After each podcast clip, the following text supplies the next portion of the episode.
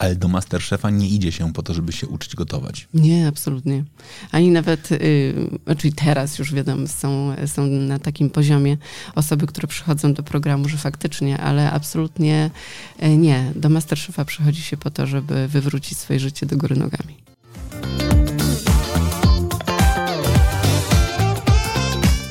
To jest tak, mam mężczyznę, który mi pomaga w domu. No nie, on po prostu ze mną tworzy ten dom i to jest, y, to jest w ogóle clue. To jest y, w ogóle najważniejsze. Zawsze się wkurzam na siebie, jak mówię, no bo Robert mi pomaga. Nie, ja czasem się czuję, że ja jemu pomagam. Okej.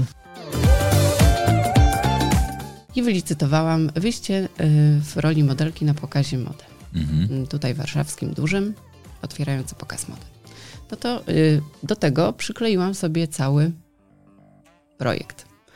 E, Model Me wtedy się nazywał i wymyśliłam sobie, że tak, nauczę się jak się dobrze żywić, Mhm. jak chodzić, jak ćwiczyć, jak malować i stać się modelką.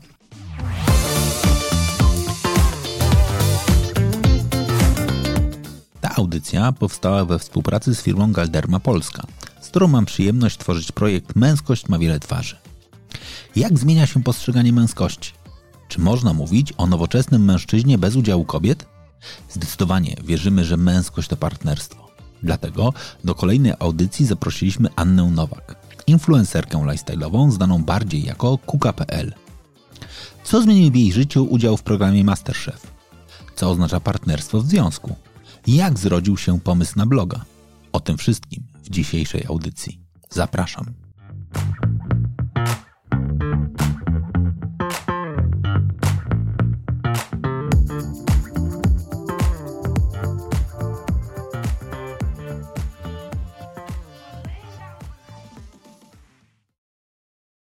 Heraoner, wywiad rzeka z tymi, którzy płyną pod prąd. A dziś? Dziś porozmawiamy sobie o takim obszarze, który wzbudza kontrowersje. Kamil Bolek kiedyś powiedział, że influencer marketing, czy też influence marketing, potrzebuje dobrego PR-u. Z jednej strony jest nieprawdopodobnie skuteczny, a z drugiej strony boryka się ciągle z zarzutami różnymi. Bardzo często ludzie nie rozumieją, o czym on jest i jak go robić dobrze. Czy to jest wina tylko i wyłącznie rynku, a może to jest wina osób, które go tworzą? Dziś waszym gościem jest osoba, która zna się na tych dwóch obszarach. Po pierwsze, zna się trochę na pijarze, a po drugie, myślę sobie, że dość dobrze rozumie, o co chodzi w influencer marketingu. Dzień dobry, waszym gościem jest Anna Nowak. Dzień dobry, witam serdecznie. Kim ty jesteś? To jest pytanie, które najbardziej mnie frustruje. O Jezu, od nie wiem, od kiedy, od, kiedy, od zawsze.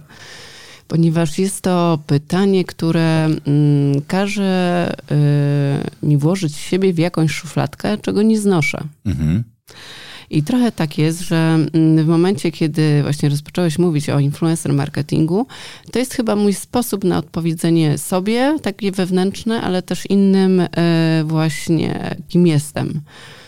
E, Mój profil na Instagramie e, kuka.pl jest profilem em, o tak zwanym lifestyle'u. Mhm. On się wywiódł e, z, z gotowania i z, i z miłości do mody również, bo tak te 9 lat temu zaczynałam. Ale tak naprawdę dostrzegłam, że ludzie, jeżeli już kogoś lubią, obserwują, to bardzo potrzebują inspiracji z każdej dziedziny życia, co mi bardzo przypasowało. Ze względu na to, że jestem na tyle kreatywną osobą, że lubię działać w różnych obszarach. Więc nie odpowiem tobie nigdy na to pytanie, kim jestem. Jestem wspaniałą mamą, jestem zaangażowaną partnerką, już teraz żoną. E, Jestem osobą, która się właśnie angażuje 100% zawsze we wszystko, co robi. A z racji tego, że mam doświadczenie różnorakie, e, mogę robić wiele rzeczy. I e, po prostu jestem Anną.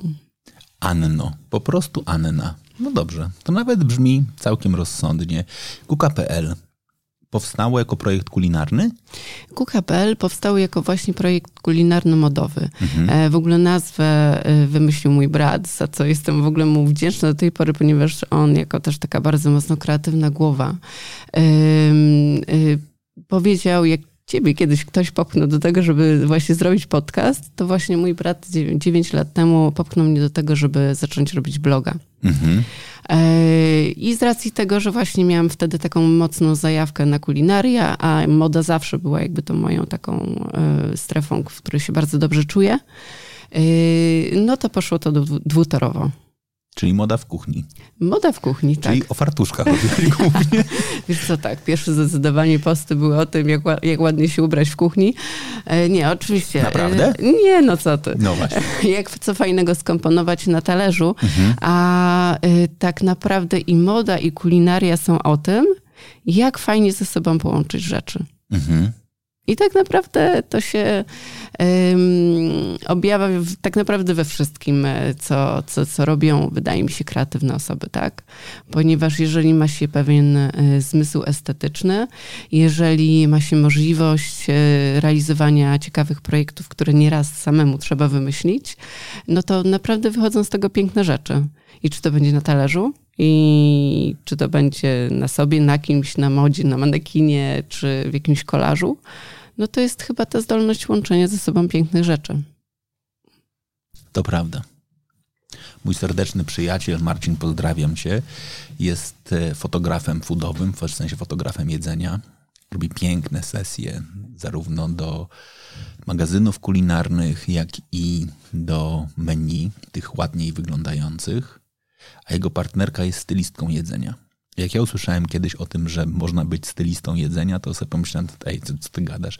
I oni mi kiedyś zabrali na sesję. I oni mi pokazali, że sesja steków jest tak samo trudna do zrobienia, jak dobra sesja modowa. Znaczy absolutnie, tam musi się wszystko zgadzać na poziomie najpierw przygotowania, czyli dobrego wysmażenia, później dobrania, ułożenia no, trochę też zrobienia dobrej koloryzacji. Oczywiście. Och, nawilżenia, mhm. podniesienia. Wszystko jest ważne. To prawda. I teraz jak o tym mówisz, to się naprawdę ze sobą łączy. Łączy się ze sobą, ze względu na to, że to jest naprawdę jakby mm, zdolność widzenia to, jak to powinno wyglądać, mhm. Y, a to przecież właśnie wynika z tego, że wiesz, co ze sobą ładnie wygląda, właśnie mówiąc prosto. Mhm. Także wydaje mi się, że to jest naprawdę y, taki ciekawy aspekt. Y, zresztą nasza wspólna znajoma Iska też kiedyś y, powiedziała mi, że powiedziałam takie jedno ważne zdanie, które też było dla niej istotne. Mm, takie olśnienie dostałam chyba rok temu, jak wysłuchałam jednego z podcastów wówczas kobiecych z nową panią redaktor Woga. Mhm.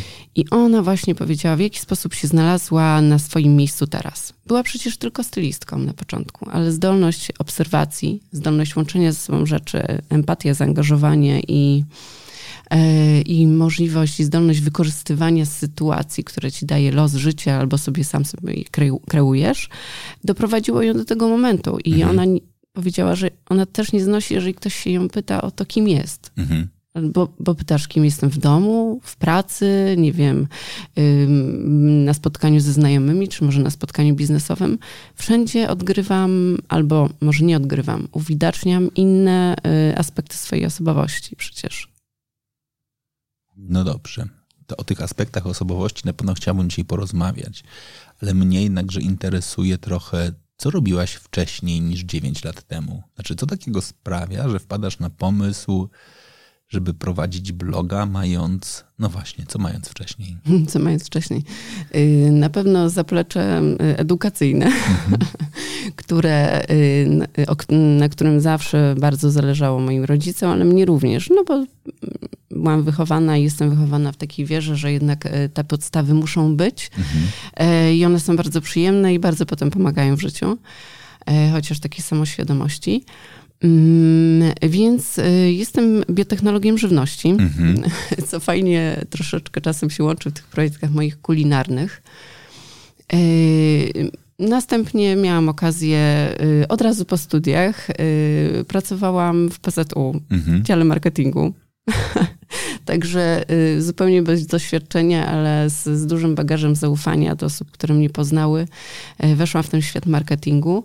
Y, no i później troszeczkę znalazłam się w kropce, ponieważ kiedy skończyłam pracę w PZU, w, właśnie w marketingu, okazało się, że nie mam podstaw naukowych, mhm. jeżeli chodzi o marketing, czyli takiej twardej bazy, ani papierka. Yy, a z drugiej strony jestem biotechnologiem żywności, ale nie mam doświadczenia w pracy. Mhm. No i tak trochę się potem miotałam ze trzy lata. Mhm. Było takie to ciężkie dla mnie. Oczywiście e, był to wspaniały czas yy, znajomości, miłości, imprezowania i całej reszty, ale wciąż poszukiwania jakby tej swojej ścieżki, gdzie mogłabym się spełnić i, i odnaleźć. I wtedy pomógł mi mój brat, ponieważ e, on był dystrybutorem e, i też właścicielem marek modowych. Mhm. I zaczęłam pracować u niego. Mhm. I on tak widział, że ja tak się tutaj, że te ciuchy jak najbardziej, ale coś więcej, coś jeszcze, coś jeszcze. I powiedział, zacznij robić to. Mamy przecież na miejscu fotografów, przecież y, pomogę ci odpalić stronę. To jest, to jest, to jest ten moment i ostatni, kiedy można to zrobić. No i zrobiłam. I tak się zajawiłam kulinariawi, że wylądowałam w Masterchefie. Także tak to, się, tak to się potem potoczyło wszystko. Co trzeba zrobić, żeby wylądować w Masterchefie? Nie wiem. Już nie mam zielonego pojęcia, co się stało. To była druga, e, druga strona, e, z kolei też, no właśnie tutaj widać, jak ważną rolę ma dla mnie rodzina. Moja bratowa e, nakłoniła mnie, zobaczyła, że zaczynają się castingi do drugiej edycji Masterchefa. A my mhm. sobie robiłyśmy takie kulinarne babskie wieczorki. Mówi, kurde, przecież idź, idź koniecznie, wypełnij ten formularz online. I pamiętam jak dziś, że był to pierwszy dzień świąt wielkanocnych. I przez całą noc siedziałam w internecie na wsi u rodziców e, w, w takim domu letnim i, i, wypełniałam formularz. No i pisałam tak od serca. No i potem zostałam zaproszona do castingu w, w dużej sieci, e, oczywiście tych wielkich sklepów. A potem z tysięcy osób do 100 osób, ze 100 osób do 40, 40 do 24. No i tak się znalazłam w 14. Świetne doświadczenie. Ale do Masterchefa nie idzie się po to, żeby się uczyć gotować. Nie, absolutnie. Ani nawet, yy, czyli teraz już wiadomo, są, są na takim poziomie osoby, które przychodzą do programu, że faktycznie, ale absolutnie y, nie. Do Masterchefa przychodzi się po to, żeby wywrócić swoje życie do góry nogami. Albo Wy, je odszukać. Wywróciłaś? Tak. W jakim sensie? Yy, wyrzuciłam chyba wszystkie moje problemy. To historia jest taka, że miałam ten niesamowitym, niesamowite szczęście, że wyrzucił mnie z programu Marco Pierre-White, czyli mhm. sam, sam nauczyciel Gordona Ramseya. Człowiek góra, ponad dwa metry wysokości, burza siwych y, fal na głowie, normalnie jakby Bóg nad tobą stał.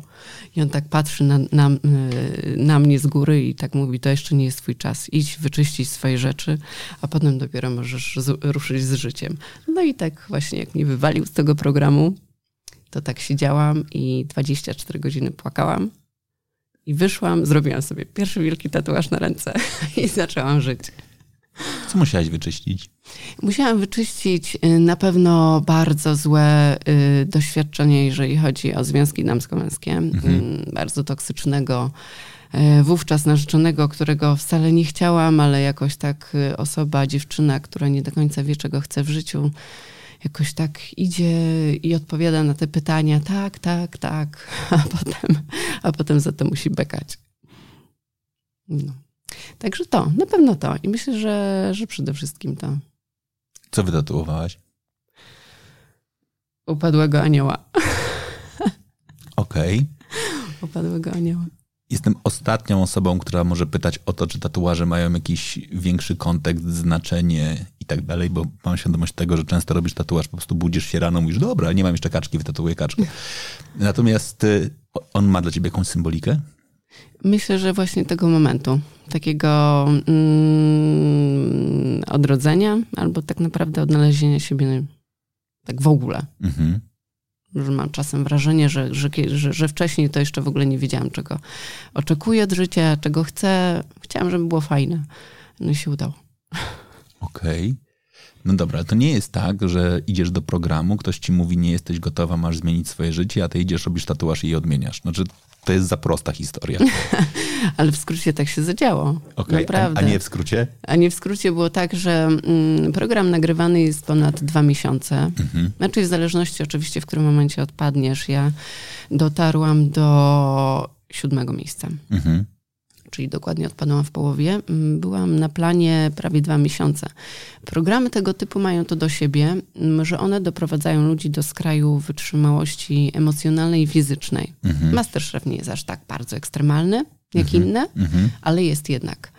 E, jesteś odłączony od rodziny, jesteś e, osobą nadal e, często właśnie poszukującą, tak? Więc wszystkie działania i, i produkcji i tego systemu, jak to wszystko wygląda, doprowadzają do tego, żebyśmy my się otworzyli. Mhm. Tam właśnie dostałam takie mm, jedno zdanie, które też mi bardzo zabolało, wręcz wkurza mnie do tej pory. ono się tro, trochę łączy z tym, z, z, tym pytaniem, e, kim tak naprawdę jesteś, tak? Mhm. Albo kim jesteś. E, reżyser e, wówczas, z którym do tej pory mam kontakt i razem próbujemy jakieś rzeczy fajne razem robić, powiedział mi, zadał pytanie, no ale, czy nie, powiedział, wkurzył, wkurzony już taki, że ja się nie otwieram, no ale bądź jakaś. Ja mówię, no kurczę blade, co znaczy bądź jakaś? Nie, nie wiem, jaka jestem jeszcze, tak? I oni nie mogli mnie tak otworzyć w tym programie. Pewnie dlatego poleciałam z niego. Bo wydaje mi się, że pomysły były trochę inne, ale, y, ale przez to, że jeszcze byłam taka bardzo mocno zamknięta w sobie i e, nieświadoma swoich potrzeb życia i w ogóle tego, co chcę w nim robić, e, że to jeszcze było za wcześnie dla mnie na ten pełen sukces. Sukces dopiero przyszedł w momencie, jak pokazałam siebie jako, samej siebie jako kobieta, czyli jako mama. To dopiero wtedy przyszło wszystko, tak naprawdę, naprawdę. A jak definiujesz sukces? Sukcesem dla mnie jest moje życie. Zacznę od drugiej strony, mhm. czyli możliwość na co dzień robienia tego, co y, nie blokuje mi dozy mm, egoizmu, y, tym samym dawając radość ludziom żyjącym dookoła mnie. Wiem, że czasem pokrętnie mówię, mam, mam to po tacie, ale, ale, ale dokładnie tak. Nie wciągaj w tę historię swojego taty. ja muszę to rozłożyć na czynniki pierwsze, bo powiedziałaś, moim zdaniem powiedziałaś kilka ładnych rzeczy. Zacznijmy od dozy egoizmu. Doza egoizmu moim zdaniem w życiu jest bardzo ważna. Bo po pierwsze mm, daje ci chęć, czyli daje ci y, możliwość otwierania drzwi, które prowadzą cię do, y, do poszukiwania y, takich przestrzeni, w których możesz się realizować. Czyli jeżeli nie jesteś egoistą, to patrzysz najpierw na wszystko, co jest dookoła ciebie, żeby zadowolić wszystkie osoby dookoła i, i potem zatracasz siebie, swoje potrzeby i e, nie jesteś w pełni e, nie jesteś w stanie się w pełni otworzyć na, na, na, na, na, na, na szczęście, które możesz uzyskać od życia. Jeżeli ty jesteś szczęśliwy, no to już powiem rzecz oczywistą, jesteś dopiero wtedy w stanie dawać też radość i szczęście bliskim, tak? Mhm.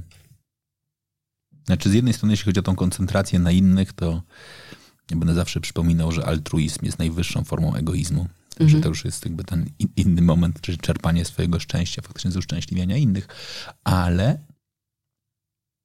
zatrzymam się trochę na tym egoizmie. W Polsce się trudno o nim mówi. W Polsce egoizm jest y, przymiotnikiem jako egoista negatywnym. Idzie, mhm. Idziesz do przedszkola, pani ci mówi, nie bądź egoistą, podziel się zabawką. Idziesz do szkoły, mówią, nie, nie bądź egoistą, pomagaj innym. Idziesz dalej, nie bądź egoistą. A ty mówisz, że warto być trochę egoistycznym, bo dzięki temu można być lepszym dla innych. Kiedy to odkryłaś? Mm, kiedy urodziłam dzieci, kiedy yy, wiedziałam, że one mi dały tyle, że ja im dałam tyle, że teraz jest troszeczkę czasu dla mnie. Jeżeli ja y, nie będę dbała o swoją małą przestrzeń realizowania siebie, to im potem tej przestrzeni nie oddam. Czekaj, dotykasz najpiękniejszej rzeczy. Egoistyczna mama. Mama, która w swoim macierzyństwie dostrzega element dbania o siebie. Tak, to jest y, w sumie dość głośna teraz y, sprawa, temat tej walki kobiet o to, żeby mogły y, zaznaczać swój byt w mhm. rodzinie i w mhm. życiu w ogóle. Bo to jest czasem tak, że wydaje mi się, że mm, mam gro nadal koleżanek, które, które cierpią mhm. po prostu.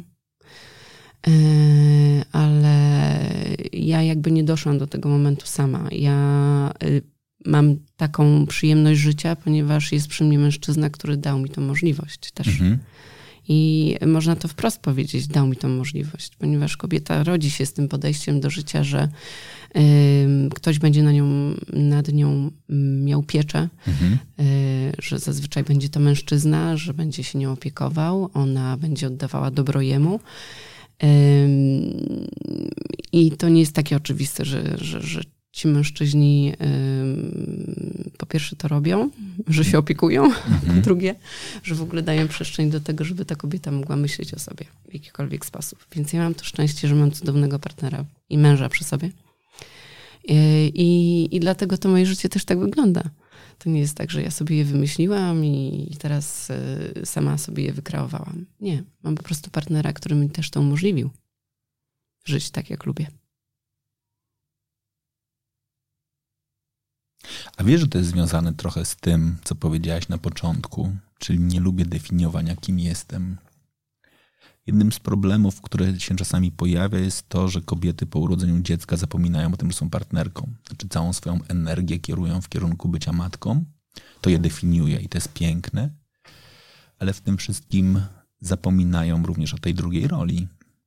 Yy, bo nie ma na nią siły?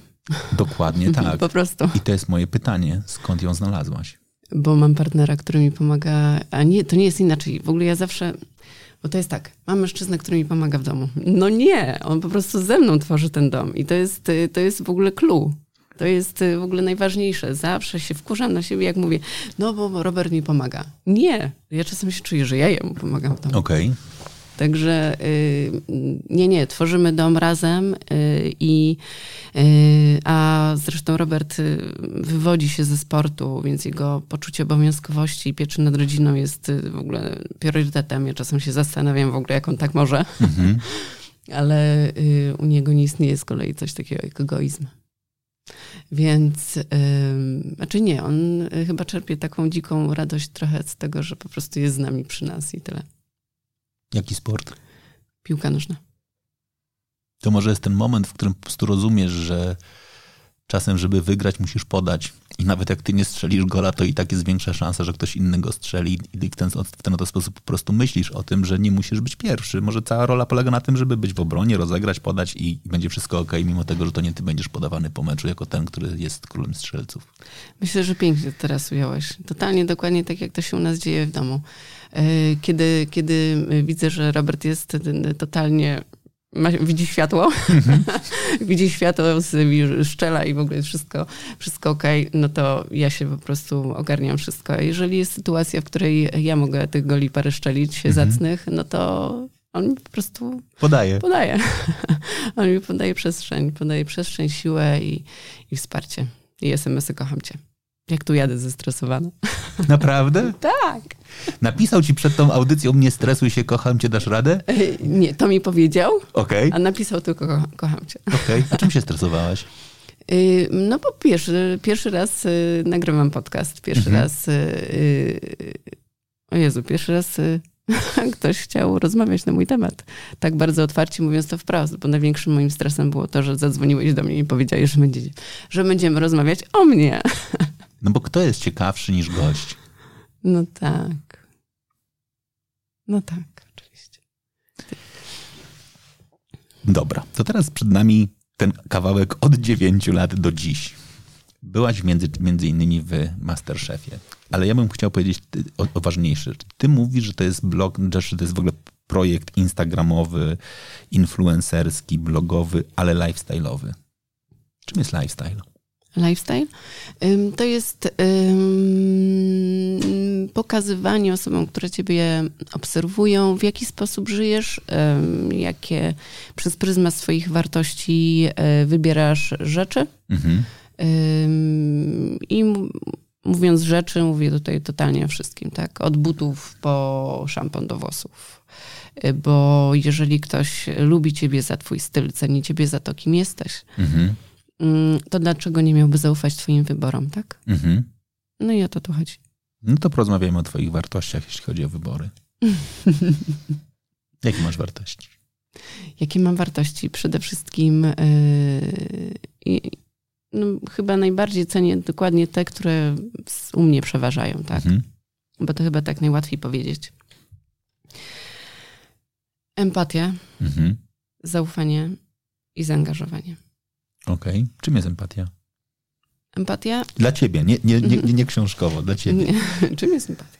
Empatia dla mnie jest. Yy, oj, okej, okay. ona, ona chyba bardzo dużo ma w sobie właśnie tej dozy zaufania, tak? Yy, ale otwartości. Yy, to jest też taka. Yy, taki element, y, który wydaje mi się, że y, gdzieś tam, który musiałam odpunktować ze względu na to, że przez dużą dozę zaufania, otwartość i empatię byłam postrzegana nie, nieraz jako osoba infantylna. Mhm. I to jest straszne. Dlaczego? No bo chcesz być osobą zawsze, tak? Dostrzeganą, poważaną, traktowaną poważnie. A w momencie, kiedy jesteś otwarty, wesoły, radosny i darzysz drugą osobę od razu zaufaniem, no to te osoby, które takie nie są, od razu sobie narzucają taki filtr na ciebie i, i potrafią ciebie mm, zaszufladkować właśnie mhm. w ten taki krzywdzący sposób, wydaje mi się. Mhm. A dopiero potem, jak poznają, to może usiądą, porozmawiają i jakby wdrażają tą drugą fazę e, myślenia o tobie, tak? Także jest to czasem fajne, mhm. bardzo miłe. Teraz się totalnie tym nie przejmuję, ale wiem, że na przykład w liceum było to takie ciężkie dość. Nie? Co? No takie właśnie bycie dobrym, miłym, wesołym, fajnym. no. Liceum chyba jest o tym, żeby być dobrym, wesołym, fajnym. No tak, nie do końca. Zależy w jakim liceum się jest też pewnie, nie? Bo jeżeli się trafia do takiego liceum najlepszego w mieście, gdzie są wszyscy, wiadomo, y, rodziny prawników, lekarzy i cała reszta, to przecież y, jeszcze były, a zresztą teraz też są takie czasy, że najpierw, najpierw patrzą dzieciaki przez pryzmat y, tą, kim są twoi rodzice, potem mhm. nie wiem, czym jeździsz, jak się ubierasz, do jakiego klubu należysz, e, a potem, a potem patrzą na, na osobę.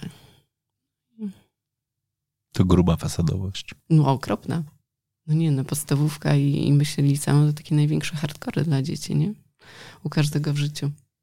Hmm. Ile, ile lat mają twoje dzieci? 8 i 18 miesięcy. I jak temu starszemu wyjaśniasz, kim jesteś? W sensie zawodowym, bo to jest ciekawe, szczerze mówiąc, jakby, no bo nie chodzisz do biura. Nie. Nie chodzisz też do fabryki. Mało tego, nawet na kasie nie siedzisz. Więc takie wszystkie łatwo rozpoznawalne za, za, zawody odpadają. I dzieci bardzo potrzebują e, tego zdefiniowania. Mhm. I powiem tobie szczerze, że właśnie ostatnio, chyba kurczę, z dwa, lata, z dwa tygodnie temu, mój Antoś się zapytał, że, czy nie, nie zapytał, stwierdził, no bo ja bym chciał tak, żeby ktoś z mojej rodziny miał sklep albo jakiś, mhm. nie wiem, jakiś, jakieś biuro żeby on sobie właśnie mógł wytłumaczyć, kim dokładnie jesteśmy. Jest to strasznie trudne. Mhm. Jest to bardzo trudne, y, szczególnie, że właśnie Robert jakby zakończył swoją już y, y, karierę, mimo że, nadal, że prowadzi drużynę weteranów Legii mhm. i, i, ma swoje drużyny i tak dalej. Chociaż nie wiem, czy czegoś nie, po, nie pokręciłam, za chwilę mnie uduszę. No ale dobra. To, no to też już jakby skończył to takie swoje zawodowe działanie. Ja też Jestem osobą, która, no właśnie, tak jak mówisz, nie wychodzi z teczką, chociaż zawsze wychodzę z tysiącem toreb i wracam z tysiącem toreb. Y, to, to trudno mi było to wytłumaczyć, ale no na szczęście miałam tą, y, to szczęście, że mogłam powiedzieć, y, jak dużą firmę miał dziadek, mhm. czym się zajmował i to, to pozwoliło gdzieś tam zakleić tą taką potrzebę urzeczowienia pracy. Ale Antoś twierdzi cały czas, że on będzie robił lody i będzie miał lodziarnię i, i będzie okej. Okay. No to piękne. No dobrze. Na lodach się świetne pieniądze kręci, więc loda i kawa. Okej. Okay. Tak, no, no, na lodach i kawie, tak. To piękne. No. Jest niesamowitym e, chłopakiem, też bardzo empatycznym. Mhm. O Jezu, jakie niezwrażliwe. I bardzo mądry. No jest super. Mam szczęście. Martwię się o tego drugiego, bo jest takim czupurem, że już teraz swój charakterek ma. A czym się martwisz? Może będzie... Będzie, nie wiem, czy się martwię. Czy jestem mamą, więc się zawsze będę martwić, tak? Ale y, tu chodzi o to, że yy, no czy ma dopiero 18 miesięcy, więc czy, czy, czy, czy zdrowo będzie się rozwijał, czy... No nie, no na razie tylko o to się martwię. Mhm. A jeśli chodzi o ten charakter? No to jest taki już teraz mocny. Ale martwisz się o siebie, czy martwisz się o jego relacje z otoczeniem? O jego relacje z otoczeniem, bo ja jestem mamą i ja zawsze będę miała nad nim pieczę i zawsze y, dam z siebie wszystko, żeby go ochronić. Mhm. Ale to on będzie wybierał, jakie bodźce będzie z otoczenia y, pozyskiwał i co go będzie budowało tak naprawdę. Więc to zawsze stres. Kamila mówiła, żeby tobie nie przerywać w tej ciszy, więc będę siedzieć Nie, ta cisza jest, się zastanawiam, a jak, jak wygląda relacja? Bo ile jest między nimi jest 6,5 roku różnicy, tak? Mhm.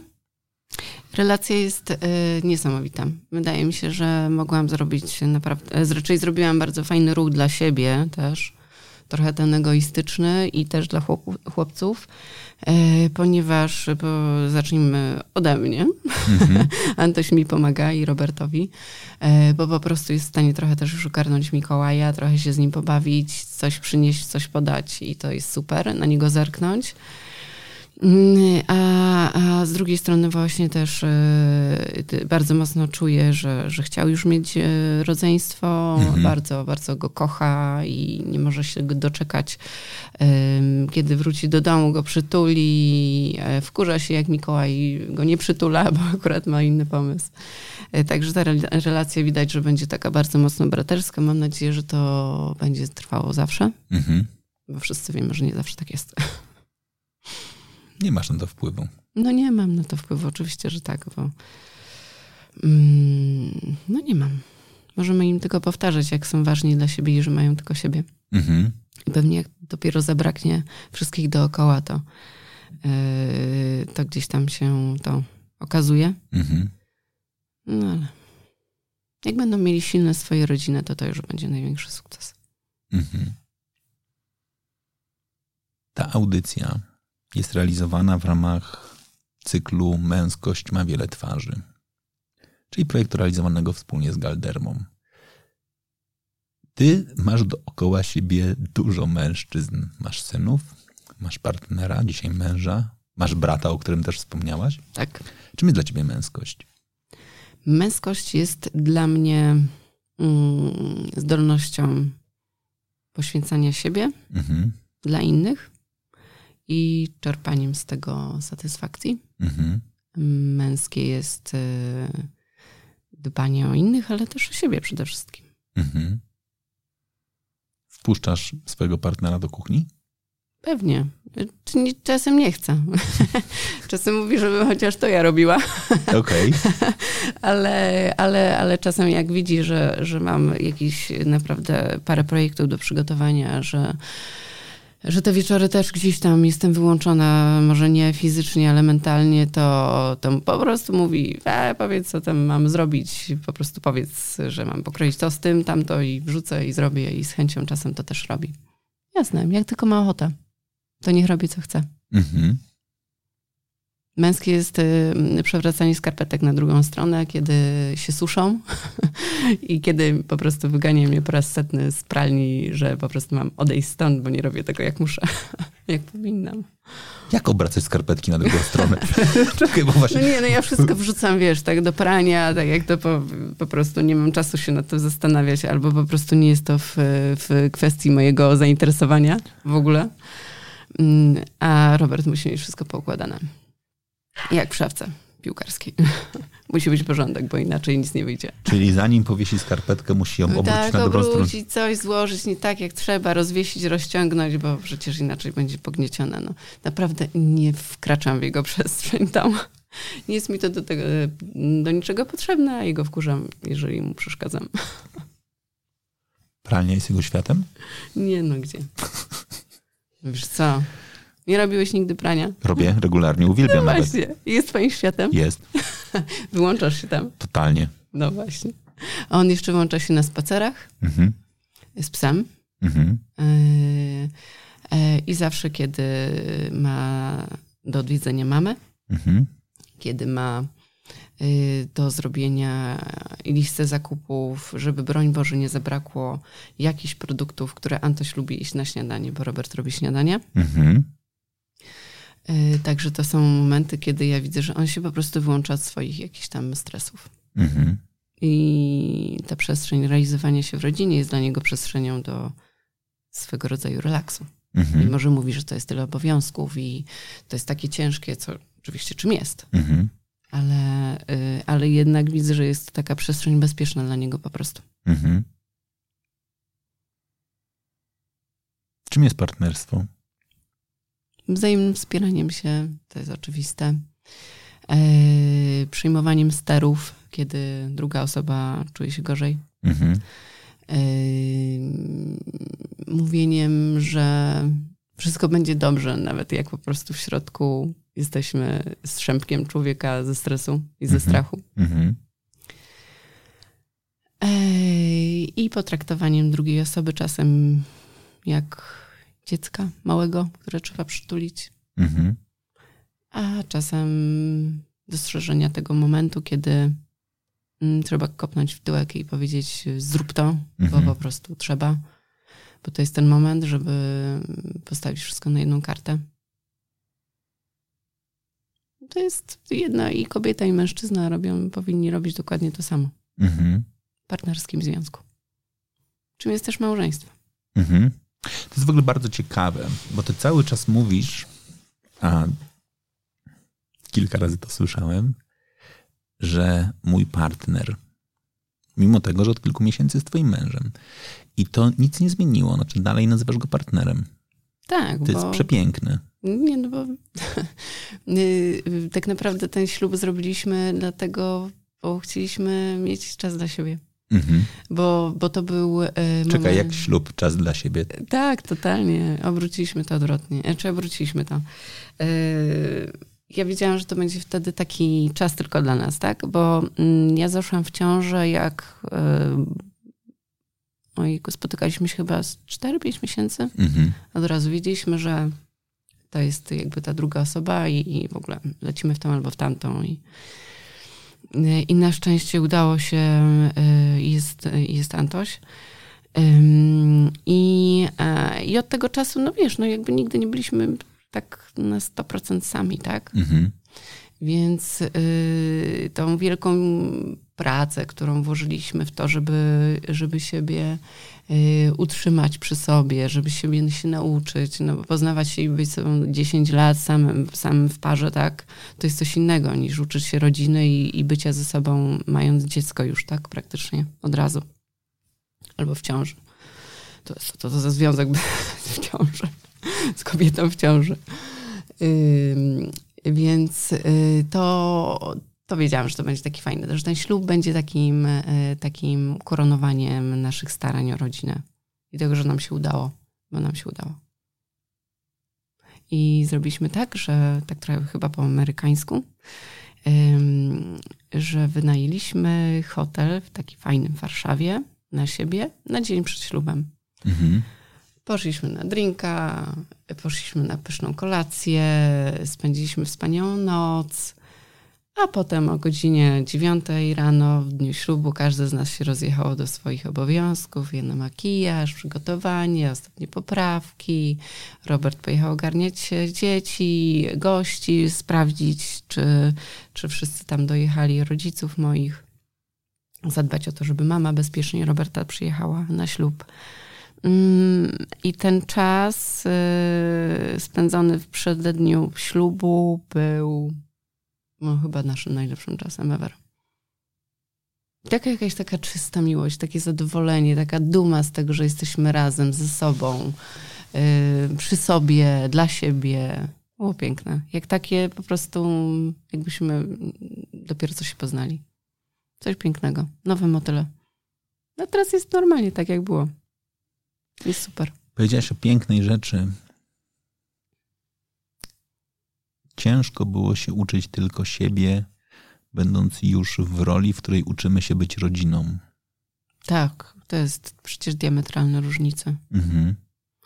Można być wspaniałą parą i, i, i, i dzielić pasję i dany sposób na, na to, jak się lubi żyć, Mhm.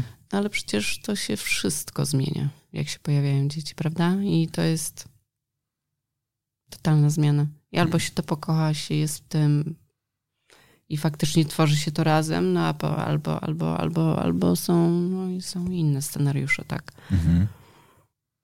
Ile w tym faktycznie było nauki? Oj, dużo. Z jednej i z drugiej strony. Na początku było tak, że Robert zre- zresztą jest takim bardzo zasadniczym facetem e, i e, bardzo czarno-biało patrzącym na świat zupełnie odwrotnie niż ja. Mhm. E, I, no i tutaj jakby było najważniejsze, żebyśmy potrafili się dograć e, w tej kwestii.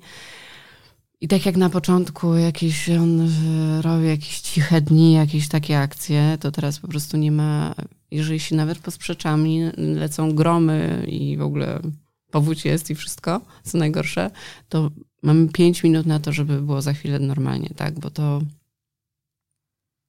można sobie nawrzucać Mhm. ale najważniejsze jest, żeby za pięć minut było znowu tak, jak było wcześniej. I, i, I to jest jakby najważniejsze, tak? Nawet jak po prostu mówię sobie, że nie wiem, że mnie wkurza, że go nienawidzę albo coś, to idę i dać mu całusa, bo po prostu nie ma innej opcji.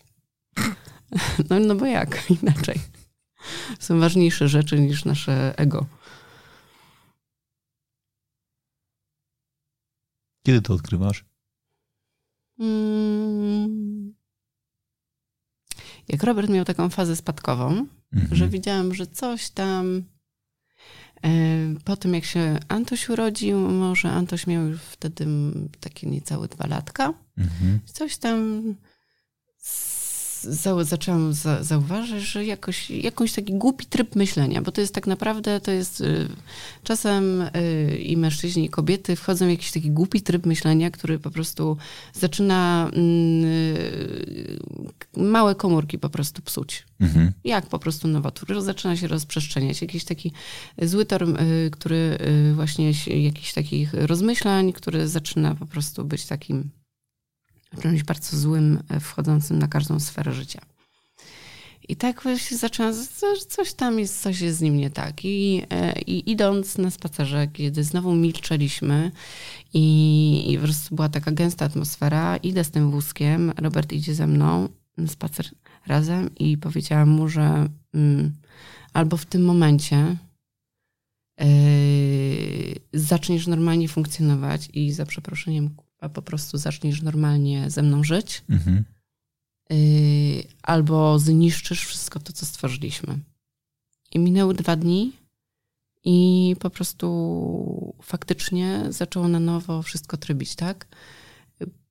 Chyba potrzebował wtedy takiego wstrząśnięcia, kopa, że, że jakieś tam ons, dąsy yy, faktycznie mogą zaprzepaścić to, o czym zawsze marzył, czyli o rodzinie.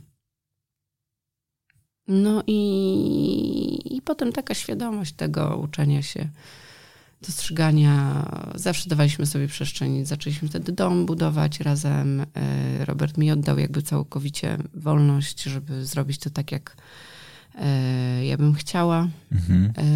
On się wtedy zajmował Antosiem małym. Ja wtedy jeździłam na budowę i tak wtedy uczyliśmy się do żywej materii wychowania dziecka i domu, tego naszego wzajemnego wspierania i funkcjonowania się w życiu.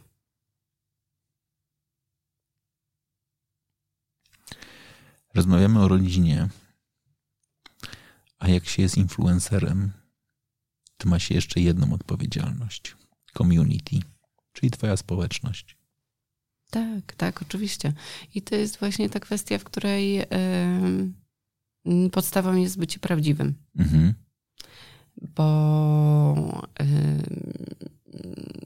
no nie można oszukiwać. Tak jak w życiu, w rodzinie nie można oszukiwać, bo to się potem zacznie wszystko kaskadowo sypać. Mhm. To tak samo, jeżeli tu po prostu y, próbujesz udawać kogoś albo na siłę robić jakieś rzeczy, które nie są s- ani spójne z tobą, ani z twoim życiem, ani tym, jakie prowadzisz, albo są totalnym w ogóle mm, totalnym jakimś krzywym zwierciadłem, Mhm. no to to nie ma racji bytu. To może być ładnym obrazkiem na chwilę, tak? Ale zaufanie w projektach, zaufanie firm, y, ludzi, y, które przez ty- tyle lat się poznało, y, zaangażowanie w projekt, wiara w to, że ta osoba po prostu jej możesz powierzyć coś i ona to zrobi, tak? Bo to jest bardzo ważne dla firmy, zresztą sam wiesz Mhm. tak? Rzucają ci temat, jeżeli cię znają, jeżeli tobie ufają, jeżeli znają jakby y, twój sposób zaangażowania i pracy, no to masz tą dowolność i zaufanie klienta, tak? Mhm. No to, to, tak, to tak jest. I tak naprawdę z jednej strony mm, może i źle zabrzmi, no ale taka trochę jest, że twoim klientem są firmy, które chcą się u ciebie zareklamować, a też z drugą stroną twoim klientem poniekąd są też te osoby, które ciebie obserwują. Mhm. E, Więc y, brak autentyczności nie ma tu racji bytu w ogóle. Mhm. Albo na przykład choćby to jest kwestie choćby wyglądu. Mhm. Idziesz spotkać się, wyjeżdżasz gdzieś, albo idziesz na jakieś targi i stajesz przed tymi ludźmi, oni po prostu albo cię rozpoznają, albo cię nie rozpoznają. Bo, bo, bo, bo, bo jest tak, że jednak gro dziewczyn jest, kreuje swój wizerunek Mhm. na Instagramie, a rzeczywistość jest inna, nie? Mhm. Kim jest twoja społeczność? Jakie osoby cię obserwują? Czego tam szukają? Moją społecznością są y, osoby w wieku mnie sprzed y, 8-9 lat Mhm. i osoby te, które teraz y, reprezentuję. Mhm. Czyli te, które szukają samych siebie, Mhm. ale w fajnym stylu i szukają dobrej inspiracji. Mhm. I te, które y, wiedzą, y, kim są, Mhm. y, czego jeszcze chcą od życia. Mhm. E, i szukają e, fajnych inspiracji z tego, z tej przestrzeni em, estetyki, którą ja prezentuję. Mhm. Dużo masz wymiany dwustronnej? Czyli takiej, w której nie tylko ty pokazujesz, ale też czerpiesz od swoich, od swoich osób obserwujących cię? Myślę, że tak. Że, że jak najbardziej, bo jednak ta responsywność jest duża i dziewczyny mm, em, lubią też dzielić się. Przede wszystkim kobiety w internecie, te obserwujące i też i te i twórczy, i twórcy, i twór, twórczynie. Mhm. Em, e, to jest ogromna em, rzesza osób, która żąda i potrzebuje wymiany informacji i wzajem, wzajemnego sp- wspierania się. Mhm. E, oczywiście nie ma co tu ukrywać. e, Grono em, młodych mam jest, jest tym gronem najbardziej zaangażowanym, bo, bo, bo one potrzebują po prostu cały czas pomocy i wsparcia we wszystkim. Mhm. I szukają i znajdują to w internecie. Mhm. I ten czas, kiedy na przykład rodzi się kolejne dziecko, albo nowe dziecko, albo jest na, na Instagramie jakiś, pokazuje, ja na przykład pokazuję jakiś przełom, to to jest zawsze jakiś y, oczywiście taki pik zaangażowania, tak? Mhm. Bo albo się pojawiają nowo, nowi obserwatorzy, albo się pojawia takie nowe zaangażowanie, takie e, no spójne z tym, co ty przeżywasz. Bo wsparcie, mówię, tak jak wspomniałam, jest ogromne pośród kobiet. Dzielą się, chcą się dzielić wiadomościami, y, swoim doświadczeniem, y, dobrymi radami y, od lekarzy po to, jak trzymać dziecko do karmienia, albo i nie wiem, jakiego kremu użyć na dan, takie czy takie schorzenie. No, wszelakie, wszelakie możliwości, ale też odchodząc od właśnie od młodych mam, dojrzałe kobiety szukają też wsparcia do tego, żeby ruszyć na nowo ze swoim życiem. I wtedy poszukują tej inspiracji, e, wydaje mi się, u kobiet ciut młodszych, mhm. które dają, dają te tipy, jak, jak jakby dbać o, tą, o to swoje zdrowie psychiczne i to, i to fizyczne też. No bo niestety u nas jest tak, że dopiero teraz wchodzi ten trend, gdzie kobieta y, po 45 roku, roku, życia tak fajnie może o siebie dbać i, tym, i tego poszukiwać. To jest takie ciekawe i, i dbać nie tylko o swoją właśnie tą cielesność, ale też ten umysłowy rozwój. Y, I, I tak naprawdę to wszystko należy zacząć robić wcześniej. Mhm. Tak już po 35 to tak, naj, to tak jest taki dobry czas. Żeby właśnie to wszystko gdzieś tam opóźnić, od, no bo nikt z nas się nie, starzeć nie lubi, tak. Mhm. Mimo, że to jest piękne i cudowne, to jednak, wiesz, im później, tym lepiej. Mhm. Także tych inspiracji jest, jest bardzo wiele i tych wymian e, ogrom. Wpływ to również odpowiedzialność. Mhm. Czujesz odpowiedzialność? Czuję odpowiedzialność, pewnie, że tak, bo y, jest, jest też grono dziewczyn bardzo zaangażowanych, które naprawdę bardzo ufają Twojemu zdaniu mhm. i y, no nie możesz zawieść drugiej osoby, no bo tu nie chodzi o to, że tam stracisz obserwatora, tylko że stracisz zaufanie drugiej osoby, mhm. Y, że, że staniesz się no, nie, nieautentyczna. A dla mnie tak ważna jest to taka personalna, personalna styczność z moimi obserwatorami, ale też w odpowiadaniu na wiadomości. Mm, że zawsze to robię no, z pełnym zaangażowaniem. Nie wyobrażam sobie, żeby osoba mogła napisać e, jakąś swoją taką prywatne, prywatne odczucia albo podzielić się swoją historią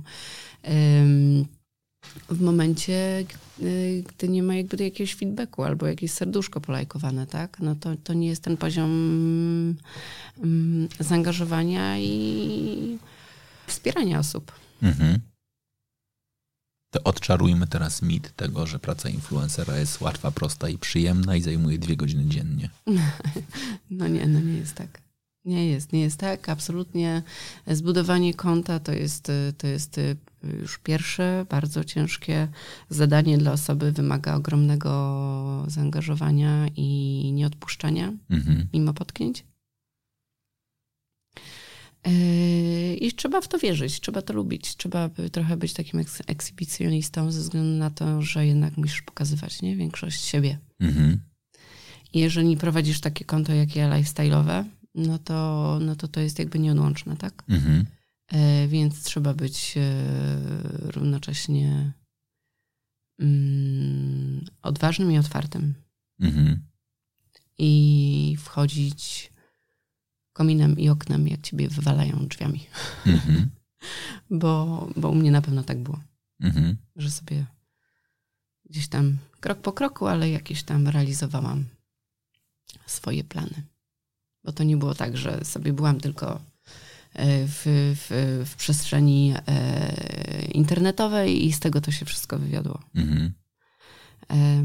Bo to jest, to jest fajna historia. Trochę. Mamy jeszcze trochę mhm. czasu? Mhm. Bo jak się rozgadam, to wiesz, to będzie przykichane. Zaczynaj.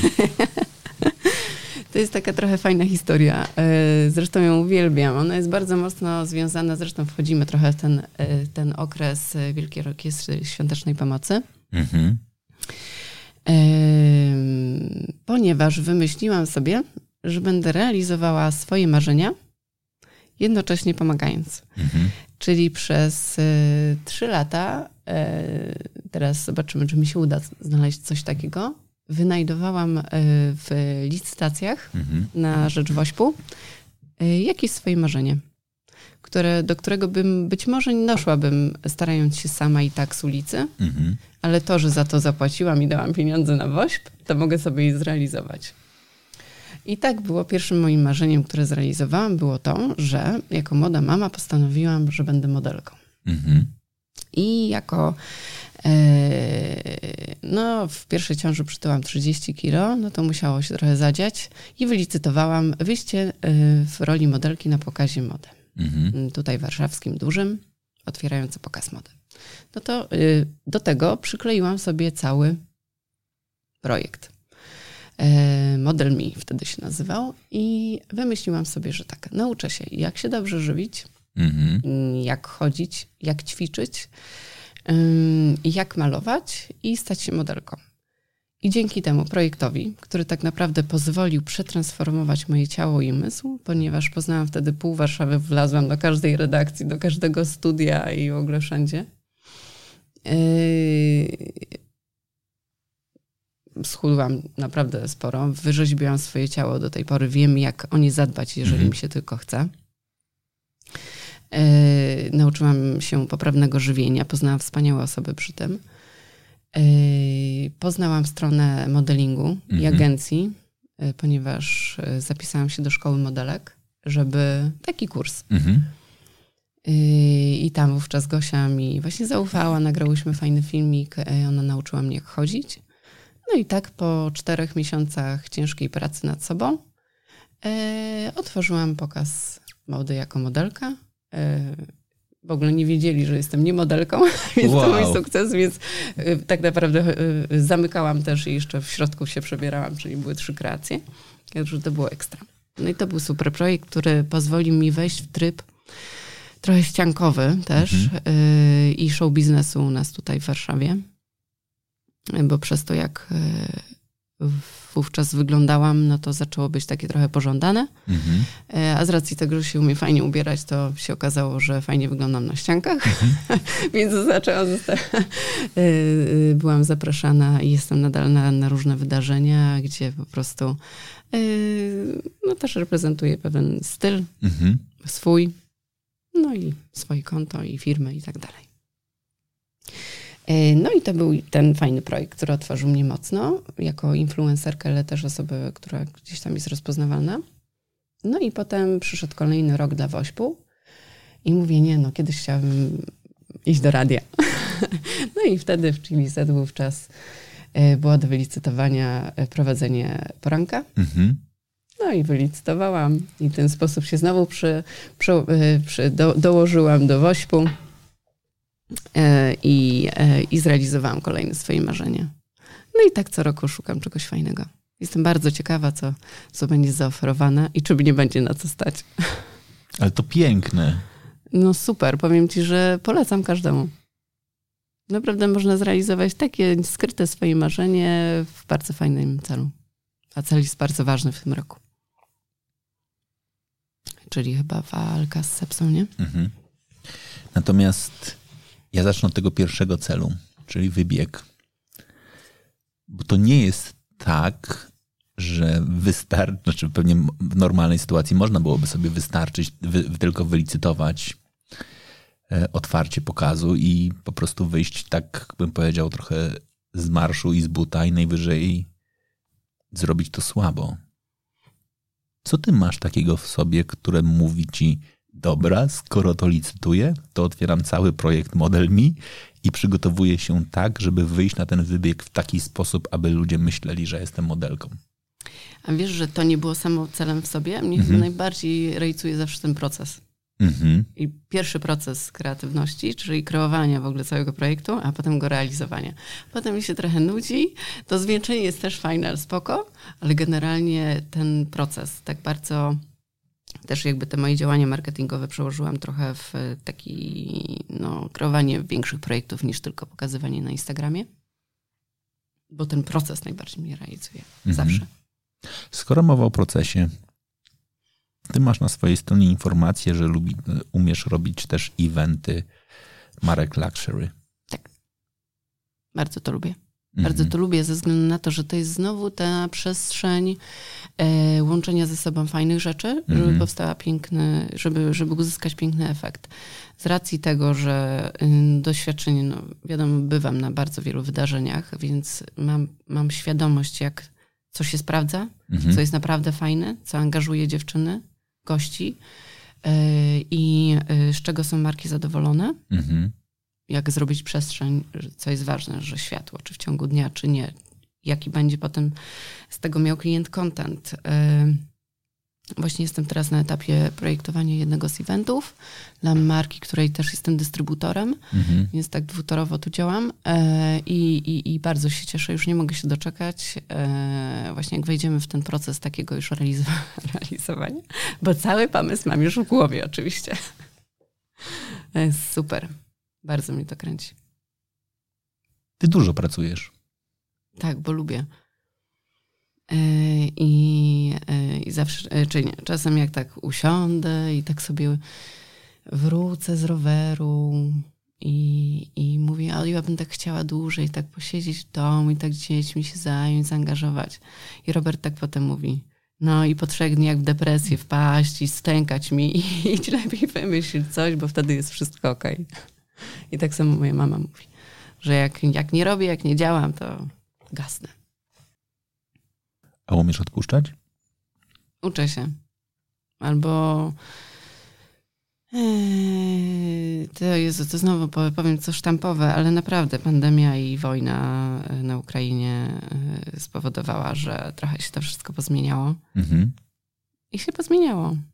I nawet widzę w, w jakimś takim podejściu też do swojego ciała, że się tego nie zażyna po mhm. prostu. Tylko trochę się bardziej korzysta z tego, co jest tu i teraz. I staram się odpuszczać, albo bardziej na początku się nauczyłam tak bardzo nie przejmować porażkami, bo przecież parę, yy, parę było takich siermiężnych, że już myślałam, że się z, go, z gąską witam, że już tu po prostu będzie program albo coś i robimy i działamy i w ogóle, i w ogóle. Już podpisujemy kontrakt, a tu bach i potem całe, całe marzenie. Jest jeszcze jedno marzenie takie, które właśnie chcę spełnić. Teraz mi to pytanie wyjąłeś z głowy, akurat okay. bo chciałem się spytać, o co marzysz, ale to dobra, dawaj. Tak, marzę, marzę. Marzę o, pro, e, o programie. Jakim? E, w telewizji. Mhm. Bo ten w internecie jak najbardziej można zrobić i, jest fajny, ale, ale chyba mam takie parcie na szkło mhm. i pewnie ten Masterchef i próba do, e, dostania się do top model. Mhm. Gdzieś tam. I, i, i, i parę innych produkcji ale, y, ale taki swój program, który z tym swoim bagażem doświadczenia ze spokojem mogłabym już poprowadzić i się czuję w tym, bo, bo wiem, jak on powinien wyglądać, jaki scenariusz, wszystko już wiem. Mhm. Tylko to, ten próg wejścia do telewizji jest taki dość ciężki. Mhm. A o czym miałby być ten program? Wspierając młode mamy, ale nie będę się wysypywać. Nie, bo, nie chcę. No właśnie, bo, bo E, licho nie śpi mhm. I, e, i ludzie lubią sobie uświadamiać, że a to faktycznie fajny pomysł mhm. i zrealizować go beze mnie. Więc, e, więc nie opowiem dokładnie, ale na pewno wspierający. Ale pukasz już do drzwi poszczególnych telewizji z projektem tego programu? Wiesz co, miałam, y, miałam y, tak, jak już się pojawię w tej telewizji, to, to, jest, to jest fajne coś takiego, że a to znowu zapraszamy, znowu zapraszamy, tak? Już, już prezentowałam tyle razy gadżety w Dzień Dobry TVN. Mhm. Już, już tyle razy byłam w pytaniu na, śniad- na śniadaniu, na tych kanapach i bardzo to lubię. Zawsze wyjście do telewizji mnie bardzo, mm, bardzo mnie raduje. Mhm. Jest to mhm. dla mnie e, może już nie teraz wyzwanie, ale, ale lubię to. I, ale coś tam, coś tam. A to wakacje mhm. właśnie, które są takie ciężkie dla tego e, świata telewizyjnego. Jakaś tam ciągłość się przerywa. Mm, próbuję. Próbuję, pewnie, że próbuję. To jest to moje takie ogromne marzenie. Takie już zaprojektowane. Okej. Okay. I, I liczę na to, że się, że się spełni. Także yy, i szukam sponsora, który wejdzie tak grubo, że, że, że po prostu będę mogła projekt yy, razem ze sponsorem i wtedy na pewno się znajdzie przestrzeń mhm. na antenie, bo wiem, wiemy, jak to działa. Mhm. Także poszukiwania są. Są kreacje, poszukiwania cały czas. Kiedyś nawet zrobiłam sama i wymyśliłam projekt dla jednej z, z marek wędliniarskich. Poszłam, powiedziałam, uwierzyli i zrobiłam. Sama wyprodukowałam cały, cały serial z gwiazdami. Kulinarny. Nie mając zielonego pojęcia o tym. To było niesamowite. To było super. też mnie tak bardzo przetrzepało, ale poznałam tyle fajnych osób, tyle gwiazd, które mm, na co dzień są takie fajne Mhm. i normalne. Kreacja, kreatywność to jest to, co po prostu napędza moje życie. I cudownie, że mam rodzinę, która mi to umożliwia. Mhm. I wydaje mi się, że nie krzywdzę ich przy tym, co jest najważniejsze, bo można się zapędzić w swoich dążeniach. Mhm.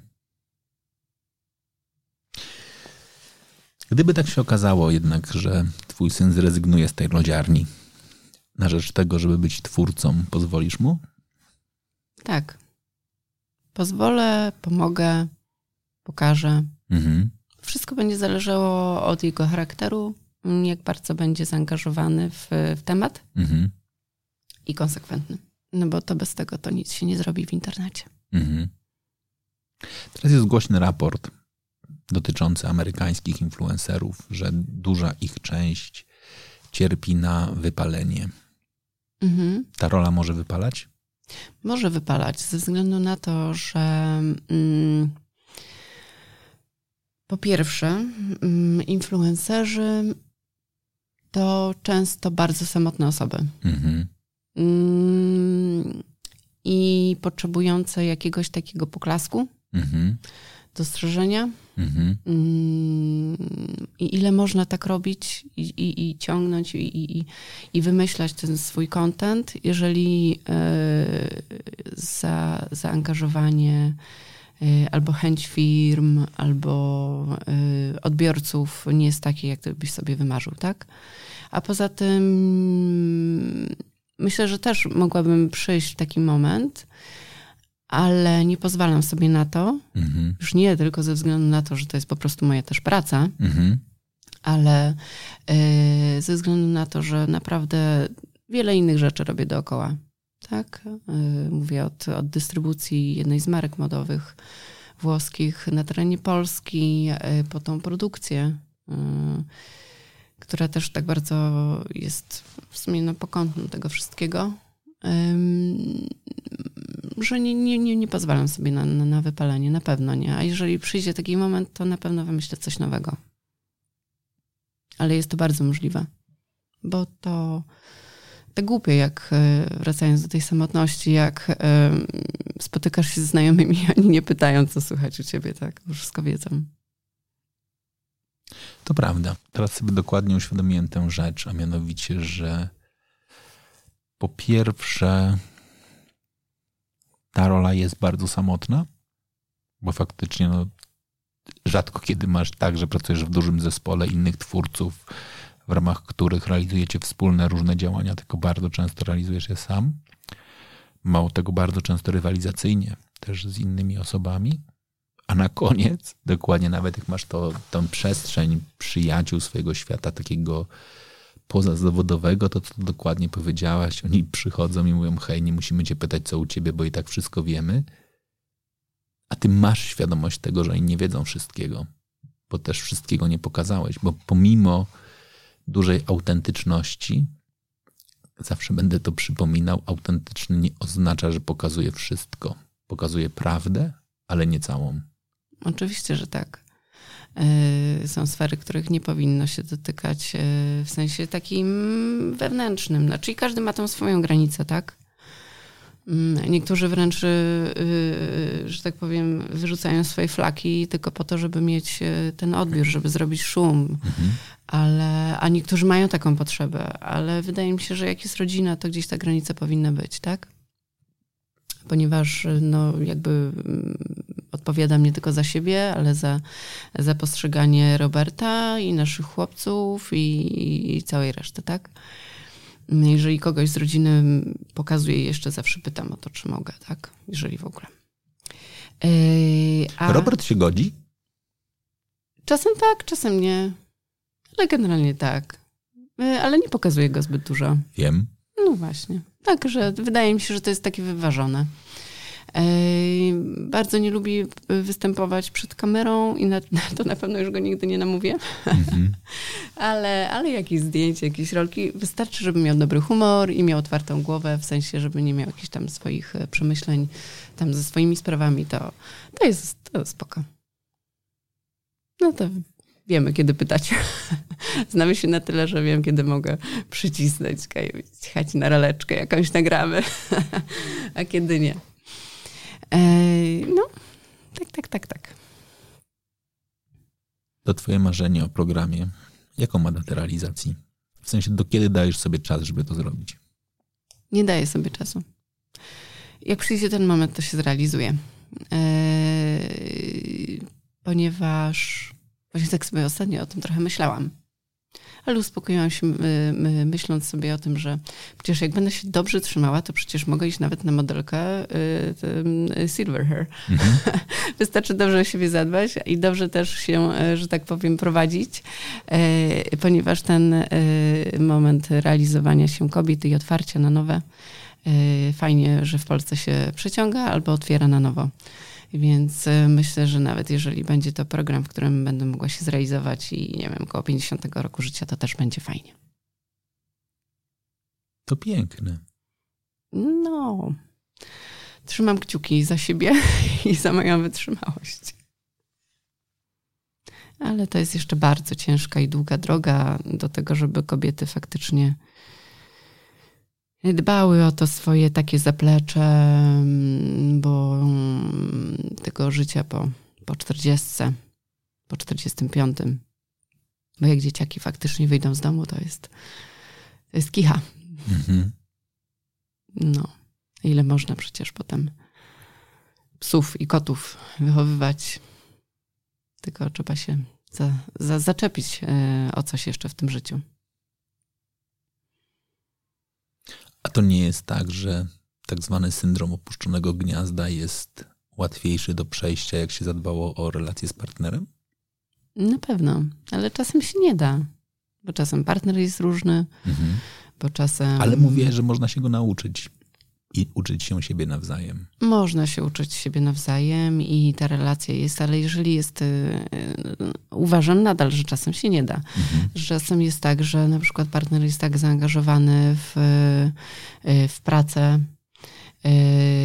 w swoje obowiązki, że te drogi się tak rozjeżdżają, że po prostu życie toczy się obok, no i nie da się mhm. go zazębić. Mhm. A szczególnie jeżeli kobieta właśnie mm, jest umiejscowiona tylko i wyłącznie w tej przestrzeni domowej, czego absolutnie nie neguję, bo to jest mhm. ogromna rola i odpowiedzialność,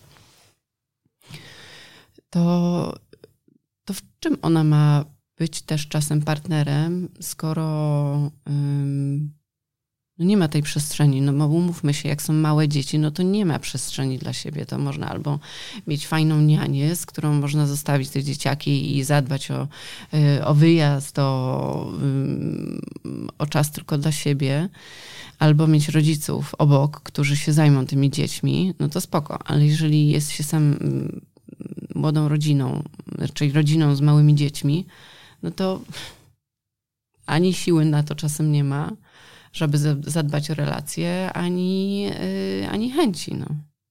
Czasem ważniejsze jest to, żeby się wyspać. Ja na przykład tak mam. Teraz była taka śmieszna sytuacja. Trochę prywaty. Moja mama teraz jest u nas. Mikołaj ma 18 miesięcy i ja nie pamiętam, kiedy przespałam całą noc całą sama. Mhm. No, nie pamiętam. E, bo Mikołaj się budzi w nocy, ma takie przerwy około trzeciej nad ranem, że on sobie musi, on już jest wyspany po prostu o trzeciej, więc on musi się zmęczyć znowu, żeby zasnąć. No i ja tak z nim w tej nocy. I do tego do, dokładając wszystko to, co robię, no to czasem się nie da, tak? Ja już nawet widzę sama po swojej twarzy, że naprawdę te półtora roku ponad mhm. dało mi nieźle w kość. I jak tu ma być jeszcze przestrzeń do tego, żeby super ekstra bosko emanować, eksponować y, chęć y, zacieśniania relacji. Nie, ona po prostu musi się opierać na zrozumieniu, wsparciu, y, zrozumieniu potrzeby ciszy, potrzeby trochę samotności, założeniu tego, że jest zawsze y, wymagany czas na to, żeby spędzić to w czwórkę razem ten czas i pojechać na to śniadanie w, w niedzielę i te święte takie godziny spędzić po prostu razem. Ale bez chwili dla siebie, no to nie jesteś w stanie tego łyknąć, nie? Dzisiaj też przecież mama, mama przyjechała i mówię, dobra, będzie spała z chłopcami, super, będzie się wyśpie. No to Mikołaj o godzinie 23 zszedł z łóżka i po prostu nie było bata, żebym po prostu ja go nie uśpiła. E, w sensie nie, nie utulała do snu. I, no i tym sposobem miałam całą noc nieprzespaną znowu, tak? No i, no i tak to jest. No, no nie ma, są małe dzieci, one są priorytetem. E, I tak jak mamy nianię, która nam pomaga od 9 do 15, żeby Robert też mógł robić swoje rzeczy, to tak od 15 ten dzień pracy się kończy. No to która praca mm, jest w stanie się zamknąć od powiedzmy od 10 do, do 14, bo mam godzinę na dojazd do domu jeszcze, tak? Mhm. No nie ma szans, więc muszę jeszcze wieczorem popracować. Potem ta nieprzespana noc. To wszystko jest tak skomplikowane, że ta dbałość o relacje musi być yy, bardzo bardzo opierać się po prostu na wyrozumiałości, na zrozumieniu, na, na wzajemnym wsparciu, dostrzeganiu potrzeb drugiej osoby. Ja Roberta i on ma te swoje święte wyjście wieczorne po prostu na mecz. Teraz już się sezon kończy powoli, ale normalnie dwa razy w tygodniu jeszcze grają. Mhm. No i tyle. I okej. Okay. I fajnie, bo ja się wtedy cieszę, odpalam swój serial. Cieszę się, że on idzie na piłkę, bo jest po prostu, wiesz, umawianie się z, chłopakami. E, cały system on jeszcze kieruje tymi drużynami, więc y, musi to wszystko układać. Ja się tym napędza tego do życia ma swoje 50 lat, ale po prostu wygląda jak młody Bóg. Zarąbiście. Wszystko się układa. Ale rozumiemy. On musi wyjść, ja muszę mieć swój serial. Nawet jak jest mama, to ja muszę się sama po prostu wyspać w osobnym pokoju, bo po prostu jest to jedyny moment, kiedy mogę przespać całą noc. Chociaż czasem mam tyle na głowie, że nie mogę zasnąć. No i tak to się układa. Życie normalne. Jeżeli przykłada się to na Instagram i na autentyczność, no to właśnie tak wygląda. Że jest się w stanie z tego wyżyć, funkcjonować i rozwijać. Czego byś nie pokazała? Czego bym nie pokazała? Poród prawie pokazałam, ale to powiedzmy oczywiście bez tych ekstremalnych ujęć, tylko jak tam wiadomo. No. Ale robiłaś live z, z porodu? Nie, no gdzie? Nie, ale no wiesz, trochę to trwało. Mhm. Mm, rodziłam naturalnie, więc trochę to trwało, więc mogłam trochę tam pokazać na story. W sensie mhm. bez, bez ekstremów. Mm, nie pokazałabym y, smutku porażki mm, i ciężkich momentów rodziny po prostu. Mhm. Nie mówię moich, bo, bo to, co ja przeżywam, czasem też opowiadam o tym, szczególnie jak Mikołaj się urodził, burza hormonalna, no to wszystko miało oczywiście swoje, y, swoje odejście i, i, i, i, y, i czasem do tej pory, przez te głównie nieprzespane noce, jest ciężko. No, ale to są jakby tylko moje odczucia, tak? Moje personalne, ale, ale w życiu bym nie pozwoliła na to, żeby, żeby ktoś oceniał jakby moją rodzinę e, z perspektywy jakichś ciężkich momentów. A w każdej sam. Mhm. A czemu smutku nie chcesz pokazywać? Rodziny. A, smutku rodziny. Rodziny, rodziny. Nie, moich ja swój często pokazuję. Jeżeli się, jak się pojawi już, to, to pokazuję. Jeżeli on faktycznie może wpływać na, albo mm, opiera się na na jakieś przemyślenia, które mogą być tożsame z przemyśleniami moich odbiorczyń. Mhm. Bo to, tam jest jednak 80% kobiet. Mhm. Aczkolwiek jak byłam, jak lepiej wyglądałam, to było więcej mężczyzn. Także to wszystko jest loterią, wszystko się zmienia, każdy etap po prostu przynosi też inny etap na Instagramie. No. To jaki tatuaż przyniesie ten nowy etap? Jeszcze nie wytytułowałam sobie imienia Mikołaja. Mhm. Mam Roberta, mam Antosia i jeszcze Mikuś. To kiedy Mikuś? No właśnie muszę się umówić. Bo to jest tak, że na tatuaż musisz mieć chęć, żeby to było fajne, nie? Żeby Mhm. przyniosło satysfakcję. Więc y, musi przyjść, przyjść ten taki momencik. Napiszę, pojadę, zrobię. Nie jest to skomplikowane, więc tak jak mówię się o kaczce. Mhm. Tak, imię to taki ten moment, że faktycznie można przyjechać, zrobić wyjście. No. Chyba, że chcesz sobie wytatuować to imię na całych plecach, no to, to zajmuje trochę więcej czasu. Nie, nie, nie, nie. Na nadgarstku oni się mieszczą tutaj wszyscy.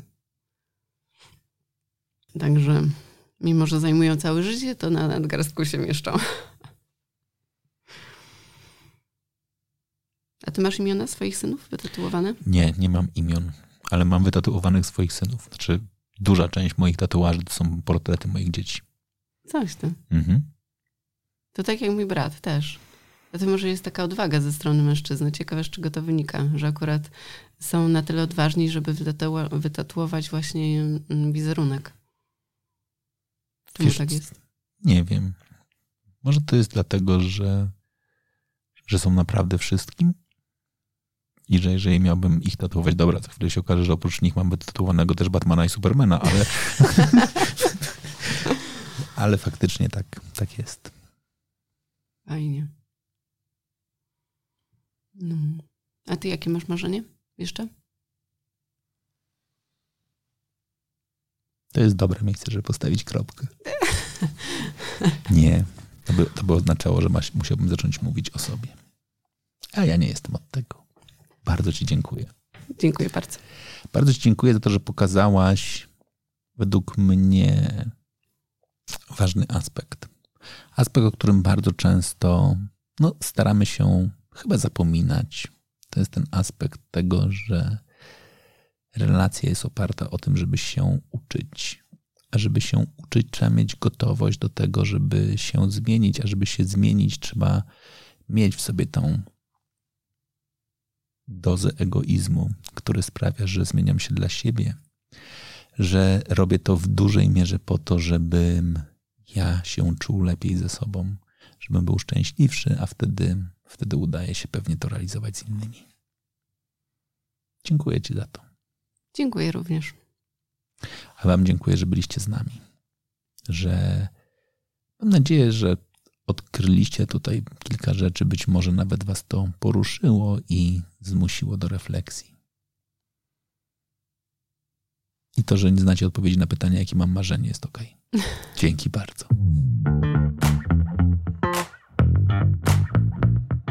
Dziękuję, że byliście z nami. Śledźcie proszę kolejne rozmowy z cyklu Męskość ma wiele twarzy. I napiszcie mi proszę w mediach społecznościowych, która z dotychczasowych rozmów podobała Wam się najbardziej.